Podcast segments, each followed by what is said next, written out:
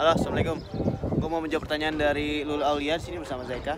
Dia nanya gimana caranya biar nggak malas ngerjain skripsi. Dia serius nanya. Menurut gue persepsi orang sekarang tentang skripsi itu cukup lebay menurut gue ya. Karena menurut gue skripsi itu ya kayak sebenarnya kayak tugas. Tinggal gimana cara kita, segimana semangatnya kita mau ngerjain skripsi gitu. Kalau misalnya kita ngerjainnya semangat ya bisa cepat.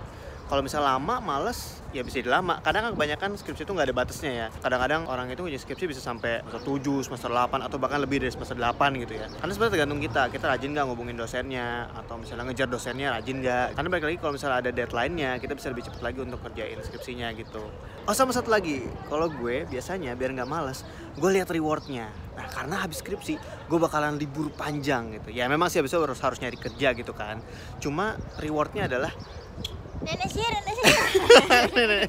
Nenek Sheer. hey, ini mana Zaika? Ingat-ingat terus aja.